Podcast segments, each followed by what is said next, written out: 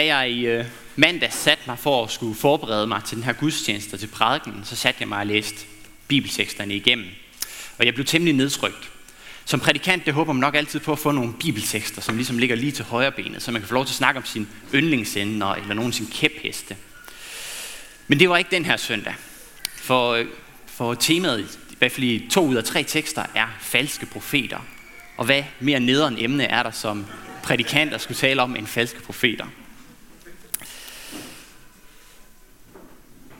Da jeg læste teksterne, så kunne jeg mærke, at jeg fik lidt ondt i maven. Og, øh, og det var fordi, der var et spørgsmål, som ramte mig. Nemlig, er jeg en falsk profet? Altså, sådan når jeg står og snakker til jer lige nu her, er jeg så en falsk profet? Viser jeg den rigtige vej, den vej, som er Guds vej, eller viser jeg en anden vej, en vej, der er min egen, en vej, som jeg selv har opfundet? Er jeg en ulv i forklæder? Eller endnu værre, er jeg en ulv i forklæder, der underviser for om, hvordan de spotter ulve i forklæder? Der er sikkert nogen af jer, der tænker, ja ja, så så Emil, du er sådan en behagelig fyr, og det du, plejer, det, det du siger, det plejer jo sådan at lyde nogenlunde fornuftigt, og nu har du erkendt af risikoen, så det er nok ikke så galt sted med dig. Du mener sikkert også bare retorisk, sådan for at gøre emnet lidt mere saftigt og livsnært. Og sådan er der også en side af mig, der har det, men, men der er også en anden side af mig, der slet ikke er så sikker. Den her prædiken skal ikke handle om mig. Men jeg tænker, at det her spørgsmål, at jeg er en falsk profet, at det er et spørgsmål, som vi alle må stille til os selv. Er jeg en falsk profet? Som bibemærken kan jeg sige, at resten af prædiken vil jeg strukturere over fire spørgsmål. Og det første spørgsmål, vi skal undersøge, når vi skal finde ud af, at jeg er en falsk profet, er, hvad menes der egentlig med en falsk profet? Det er sådan lidt, en, det er sådan lidt et, et bibelsk udtryk. Det er ikke rigtig noget, vi sådan bruger i vores moderne samfund. Sådan et udtryk. For først så handler det i den her sammenhæng ikke om at forudsige fremtiden. Det er altså en af de ting, som vi stærkt forbinder med profeter. Det er, at de udsiger en profeti, og hvis den så går i opfyldelse, så er det en sand profeti. Vi møder flere sådan eksempler i det gamle testamente med profeter, der siger noget, der skal ske, og så hvis det sker, så er det en profeti fra Gud. Men det er ikke det, der er på spil her. Det, der er på spil her, er, at profeten er også en, som hævder at kende Guds vej. En, der kender Guds vilje, kender Guds hjerte. Jeg kan rigtig godt lide Bibelens brug af, af vejen som metafor. Altså profeten er en, der kender Guds vej. Vejen, det er ikke en isoleret enkelthandling. Nej, vejen, det er en livsstil, der indeholder alle de vanemæssige hverdagshandlinger, som vores liv består af. Din vej, eller din livsstil, som vi nok vil sige i dag, handler om, hvordan du står op om morgenen. Det handler om, hvordan du arbejder på dit arbejde, hvordan du omgås andre mennesker, hvordan du bruger din tid, og hvordan du prioriterer dine penge. Vejen handler altså om det, vi almindeligvis gør, ikke om de øh, sådan undtagelser, som også er i vores liv, hvor vi gør noget andet end det, vi plejer. Gud han har en mening om vores livsstil. Der er livsformer, der er forenlige med Guds vilje og Guds vej, og så er der livsformer, der ikke er. Det skal selvfølgelig ikke forstås på den måde, at Gud han ønsker at detaljestyre vores liv. Gud han er fuldstændig ligeglad med, om jeg spiser cornflakes eller havgrøn om morgenen. Men han er ikke ligeglad med, om jeg giver mine børn noget sundt at spise, eller om jeg passer på min krop. Profeten han er altså en mand, der hævder at kende Guds vilje. Han er en, der kender Guds vej. Den falske profet er en, der hævder at kende Guds vej, men som i virkeligheden angiver en vej, der er fra sit eget hjerte. Han lytter ikke til Guds hjerte, han lytter ikke til Guds ord. Derfor så forblinder han også dem, der lytter til ham. En hver vej, der ikke er forenlig med Guds vej, er under Guds vrede, fordi den er uretfærdig, og fordi den dybest set skader mennesker. Men den falske profet, han peger på sin egen vej, og så siger han, fred og ingen fare. Den her vej, den er under Guds velsignelse, ikke under Guds fred. Profeten han er også en person, der har indflydelse på andre.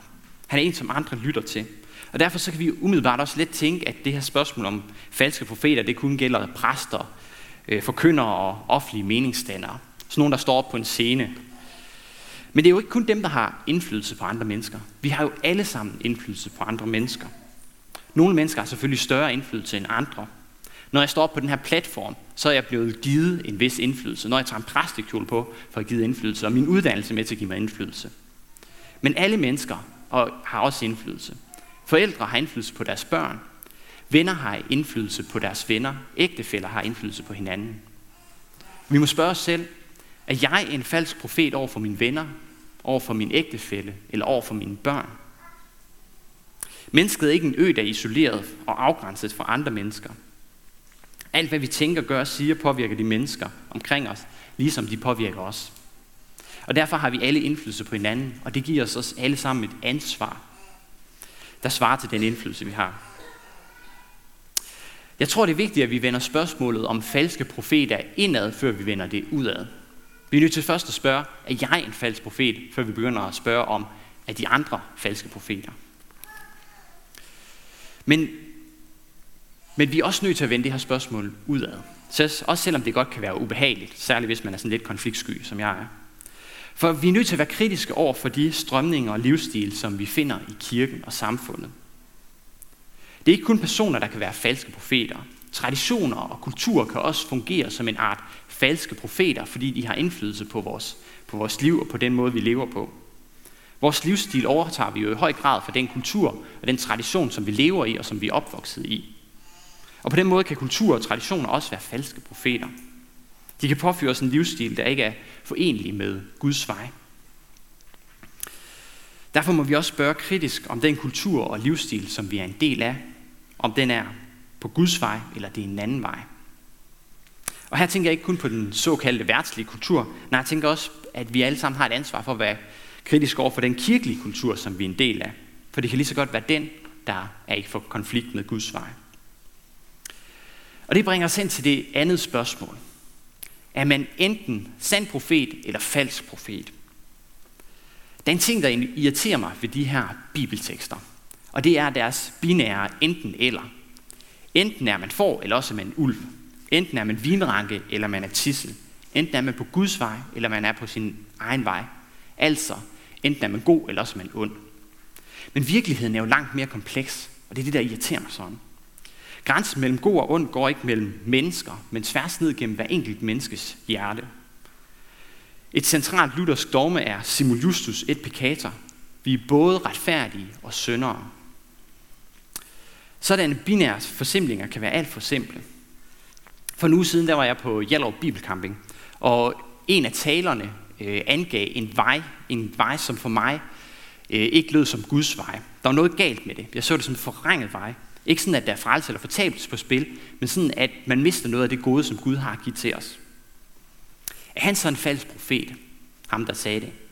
Nej, det vil jeg ikke sige. Og det vil jeg aldrig kalde ham. For jeg ved, at han er en oprigtig, gudfrygtig mand. Men derfor så kan han jo stadigvæk godt have misforstået nogle ting. Eller også så er det mig, der har misforstået noget. Forsimplinger, de kan selvfølgelig også have deres berettelse. Vi mennesker, vi kan ikke overskue livet i al dets kompleksitet. Og derfor så har vi nogle gange brug for forsimplinger, for at vi har noget klart at navigere efter. Derfor kan det være nødvendigt at klart at kritisere personer eller strømninger, selvom man ved, at virkeligheden er langt mere kompleks, og der også er gode ting hos de personer og i de strømninger. Et eksempel kunne være Torben Søndergaard, hans bevægelse The Last Reformation. Det kan stadigvæk godt være voldsomt at kalde ham en falsk profet, men der kan stadigvæk være meget, og det tror jeg, der er klart behov for at tage afstand fra hans teologi og fra hans kirke, hvilket mange kirkeledere også har gjort. Og jeg tror, det er noget lignende, der er på spil i de her to bibeltekster hos Jesus og Jeremias. De taler ind i en situation, hvor der er brug for en klar advarsel og en klar øh, afstandtagen. Det er det, som modtagerne har brug for. Men selvom forsimlingen kan det deres berettigelse, så afspejler de ikke livet i al dets kompleksitet. Det er farligt, når vi som kirke tager det binære sprog til os og taler om os og dem, eller endnu værre om gode og onde. Der er et binært enten eller. Enten har du liv i Kristus, eller også har du ikke. Men der findes ikke et binær, vi er de hellige, de er sønderne, eller vi har sandheden, de har løgnen. Og det er farligt, hvis vi som kirke finder vores identitet ved at tegne groteske fjendebilleder af dem udenfor. Vi er de hellige med sandheden, de er sønderne med løgnen. For det første så svarer det ikke til virkeligheden. Der er sandhed og løgn i kirken, ligesom der er sandhed og løgn uden for kirken. Mennesker i kirken lever både med og mod Guds vilje, ligesom mennesker uden for kirken både lever med og mod Guds vilje. Det er ikke et enten eller, det er et mere mindre. Nogle lever mere efter Guds vilje end andre. Og kirken som helhed lever mere efter Guds vilje end samfundet. Eller det kunne man i hvert fald håbe, at den gør. Om ikke andet, så lever kirken efter Guds vilje på det afgørende punkt, nemlig troen på Kristus. Og det er det, som dybest set adskiller kirken fra resten af verden. Den anden fare, det er, at vi risikerer at skubbe dem i kirken bort, der har fundet sandhed og godhed uden for kirken. Og her taler jeg selvfølgelig om kirken som en social gruppe mennesker, ikke som Guds usynlige kirke. For al sandhed og godhed er selvfølgelig i sidste ende Guds kirke. Men hvis vi laver det her skarpe skæld mellem os og dem, så risikerer vi at skubbe nogle mennesker væk, som har fundet ud af, at der findes faktisk noget godt uden for kirken. For det tredje og sidste, så risikerer vi at gå glip af al den sandhed og visdom, der er at finde uden for kirken. Vi kan lære meget af mennesker, der ikke er kristne. Ja, vi kan endda have dem som etiske forbilleder. Men min pointe er egentlig blot, at vi både er sande og falske profeter. Vi er både på Guds vej, og vi er samtidig på vores egen vej. Det handler ikke om et enten eller, men om et mere mindre. Og det bringer os til det tredje spørgsmål. Hvordan erkender vi så Guds vej? Hvordan finder vi Guds vilje for vores liv? Hvordan lærer vi at genkende de falske profeter? Og det er desværre ikke nogen simpel sag. Der findes ikke nogen facitliste. Og nej, Bibelen er desværre heller ikke en facitliste, selvom den er en vigtig del af svaret. I den kirkelige tradition, der har man talt om, at der er fire kilder til viden om Gud. Man har Bibelen, man har erfaringen, man har traditionen og fornuften. I vores evangelisk-lutherske tradition taler vi oftest om Bibelen som vores kilde til viden om Gud, men i praksis så bruger vi alle fire. Så når vi skal finde Guds vilje for og vej og Guds vilje for vores liv, så skal vi altså lytte de her fire steder. For det første så skal vi gå til Bibelen, og vi skal lytte til Jesus og apostlene og alle de andre bibelske forfattere. Bibelen indeholder vidnesbyrd for mennesker, der har haft mere adgang til Guds vilje og Guds hjerte, end vi nogensinde vil få. Og Jesus, han, er, han kender ikke blot til Guds vilje, han er Guds vilje. Han er Guds vilje, Guds hjerte, han er Guds vej, han er vejen. Men selv Bibelen er ikke nogen ufejlbarlig vej til Guds vilje. Jo, måske er Bibelen det i sig selv, måske er Bibelen i sig selv ufejlbarlig, som mange teologer med rette vil hævde, men vi som bibellæsere er ikke ufejlbarlige. Vi kan misforstå Bibelen, og dermed kan vi misforstå Guds vilje for vores liv. Det andet, vi skal lytte til, er fornuften. Gud han har skabt os med et hoved for, at vi skal bruge det, og det gør vi også hele tiden. Nogle gange så kan vi tænke, at nogle gange så kan vi tænke os til, hvad Gud han vil mene om et spørgsmål. Fordi vi ved, at Gud han er kærlig, og Gud han ønsker det bedste for os. Bibelen siger for eksempel ikke noget om skærmtid. Men derfor så kan jeg stadigvæk godt tænke mig til, at det nok næppe er Guds vilje, at børn de skal parkeres hele dagen foran fjernsynet, men deres forældre arbejder for meget. Jeg kan selvfølgelig også tage fejl. Fornuften er ikke uforvarlig, den er også underlagt syndefaldet. Det tredje, vi skal lytte til, er Helligånden. Vi skal bede om Helligåndens vejledning. Konkret betyder det, at vi skal mærke efter i maven, selvom det måske lyder lidt provokerende. Det må man i hvert fald ikke efter Svend Brinkmann. Men Helligånden taler nogle gange i vores følelser. Vi skal lytte efter. Men vores hjerte kan også tage fejl, fordi det også er underlagt syndefaldet. Og nogle gange så kan vi ikke skille mellem, hvad der er Helligåndens stemme i vores liv, og hvad der er vores egen stemme. Og for det fjerde og sidste, så skal vi lytte til den kirkelige tradition. Øh, traditionen er fortidens visdom. Kirkeledere er nutidens visdom. De er selvfølgelig ikke ufaldbarlige, men der er en god sandsynlighed for, at de kender Bibelen, ånden, fornuften og traditionen bedre, end vi selv gør på mange punkter, og derfor bedre kan bedømme, hvad der er Guds vilje. Derfor skal vi lytte til dem, fordi vi kan lære af dem. Samlet set så har vi altså gode muligheder for at finde Guds vilje for vores liv, selvom der ikke gives nogen absolut sikkerhed. Sikkerheden kommer vi, usikkerheden kommer vi ikke udenom, og usikkerheden kan lære os tre ting. For det første, så skal vi være ydmyge over for sandheden. Virkeligheden er kompliceret. Sandheden det er ikke noget, man sådan får styr på. Sandheden det er noget, man stræber efter og griber efter. For det andet, så skal vi vise respekt over for dem, der, der mener noget andet end os selv. Livet er kompliceret, og derfor er mennesker kommet til andre konklusioner end os, og det er ikke nødvendigvis, fordi de er dumme eller onde. Og for det tredje, så skal vi gå til Gud med vores usikkerhed. Hvis vi vil finde Guds vej for vores liv, så skal vi vende os til ham, der kender vejen. Vi skal bede Gud om vejledning og om visdom. Og vi skal bede om, at Gud han vil vende os om, når vi slår ind på en forkert vej. Men hvorfor er det sådan? Hvorfor tillader Gud den her usikkerhed, når han nu ønsker, at vi skal følge hans vej? Gud han har givet os Bibelen, han har ikke givet os en manual. Jeg ved det dybest set ikke. Men man kan også spørge, hvorfor har Gud åbenbart sig et lille barn i et fodertro? Eller hvorfor udrettede han verdenshistoriens største begivenhed på et beskidt kors i en udkant den civiliserede verden for 2000 år siden. Usikkerheden er forenlig med korsteologien. Gud åbenbarer sig under sin modsætning. Han ønsker ikke at overvælde os, han ønsker at drage os. Og det bringer os til det fjerde og sidste spørgsmål. Hvad hvis jeg tager fejl? Hvad hvis jeg faktisk ikke følger Guds vej? Skal jeg så frygte Guds vrede? Som jeg sagde tidligere, så er enhver vej, der ikke er Guds vej, er under Guds vrede. Det betyder selvfølgelig igen ikke, at Gud han vil styre vores liv, men der er måder at leve på, der er gode og kærlige, og som fører til trivsel og glæde for mennesker. Og så er der måder at leve på, som skader mennesker og ødelægger livet. En hver, der skader et af Guds elskede børn, er under Guds vrede. Jesus og Jeremias, de er hårde kontante i, deres, i dagens læsninger. Og derfor kan vi ende med at sidde tilbage med en fornemmelse af angst og frygt. Jamen hvad hvis jeg tager fejl omkring Guds vej? Hvad hvis jeg har misforstået det hele? Er Gud så vred på mig? Er jeg under Guds vrede? Eller hvad hvis jeg har fundet Guds vej, men jeg bare ikke følger den?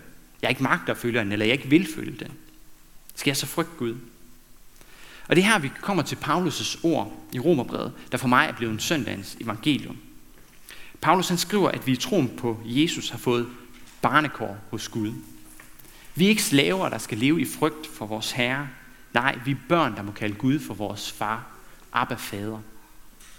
Det betyder selvfølgelig ikke, at så kan vi bare leve, som vi vil. Gud han vrede stadig, når vi viger bort fra hans vej, fordi det ødelægger hans børn.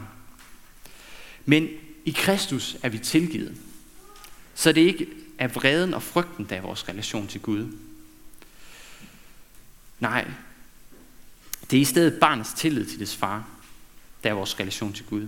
Og det er fars kærlighed til sit barn, der er vores relation til Gud. Gud han motiverer os ikke til at følge hans vej ud af frygt. Gud han bevæger os til at følge hans vej, ved at vi får øjnene op for, at der er liv og glæde på hans vej. Og ved at vi lærer at elske den vej. Så det bringer os afslutningsvis tilbage til mit indledende spørgsmål. Er jeg en falsk profet?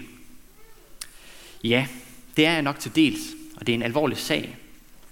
Men når jeg har Kristus, så er jeg først og fremmest Guds elskede barn. Gud er ikke min dommer, som jeg skal frygte. Gud han er min far. Og derfor kan jeg møde Gud i tillid, uden frygt, for han vil mig kun alt godt. Lov og tak og evig ære være dig, for Gud, Fader, Søn og Helligånd. Du som var, er og bliver en sand en i Gud, højlovet fra første begyndelse og nu og i al evighed. Amen.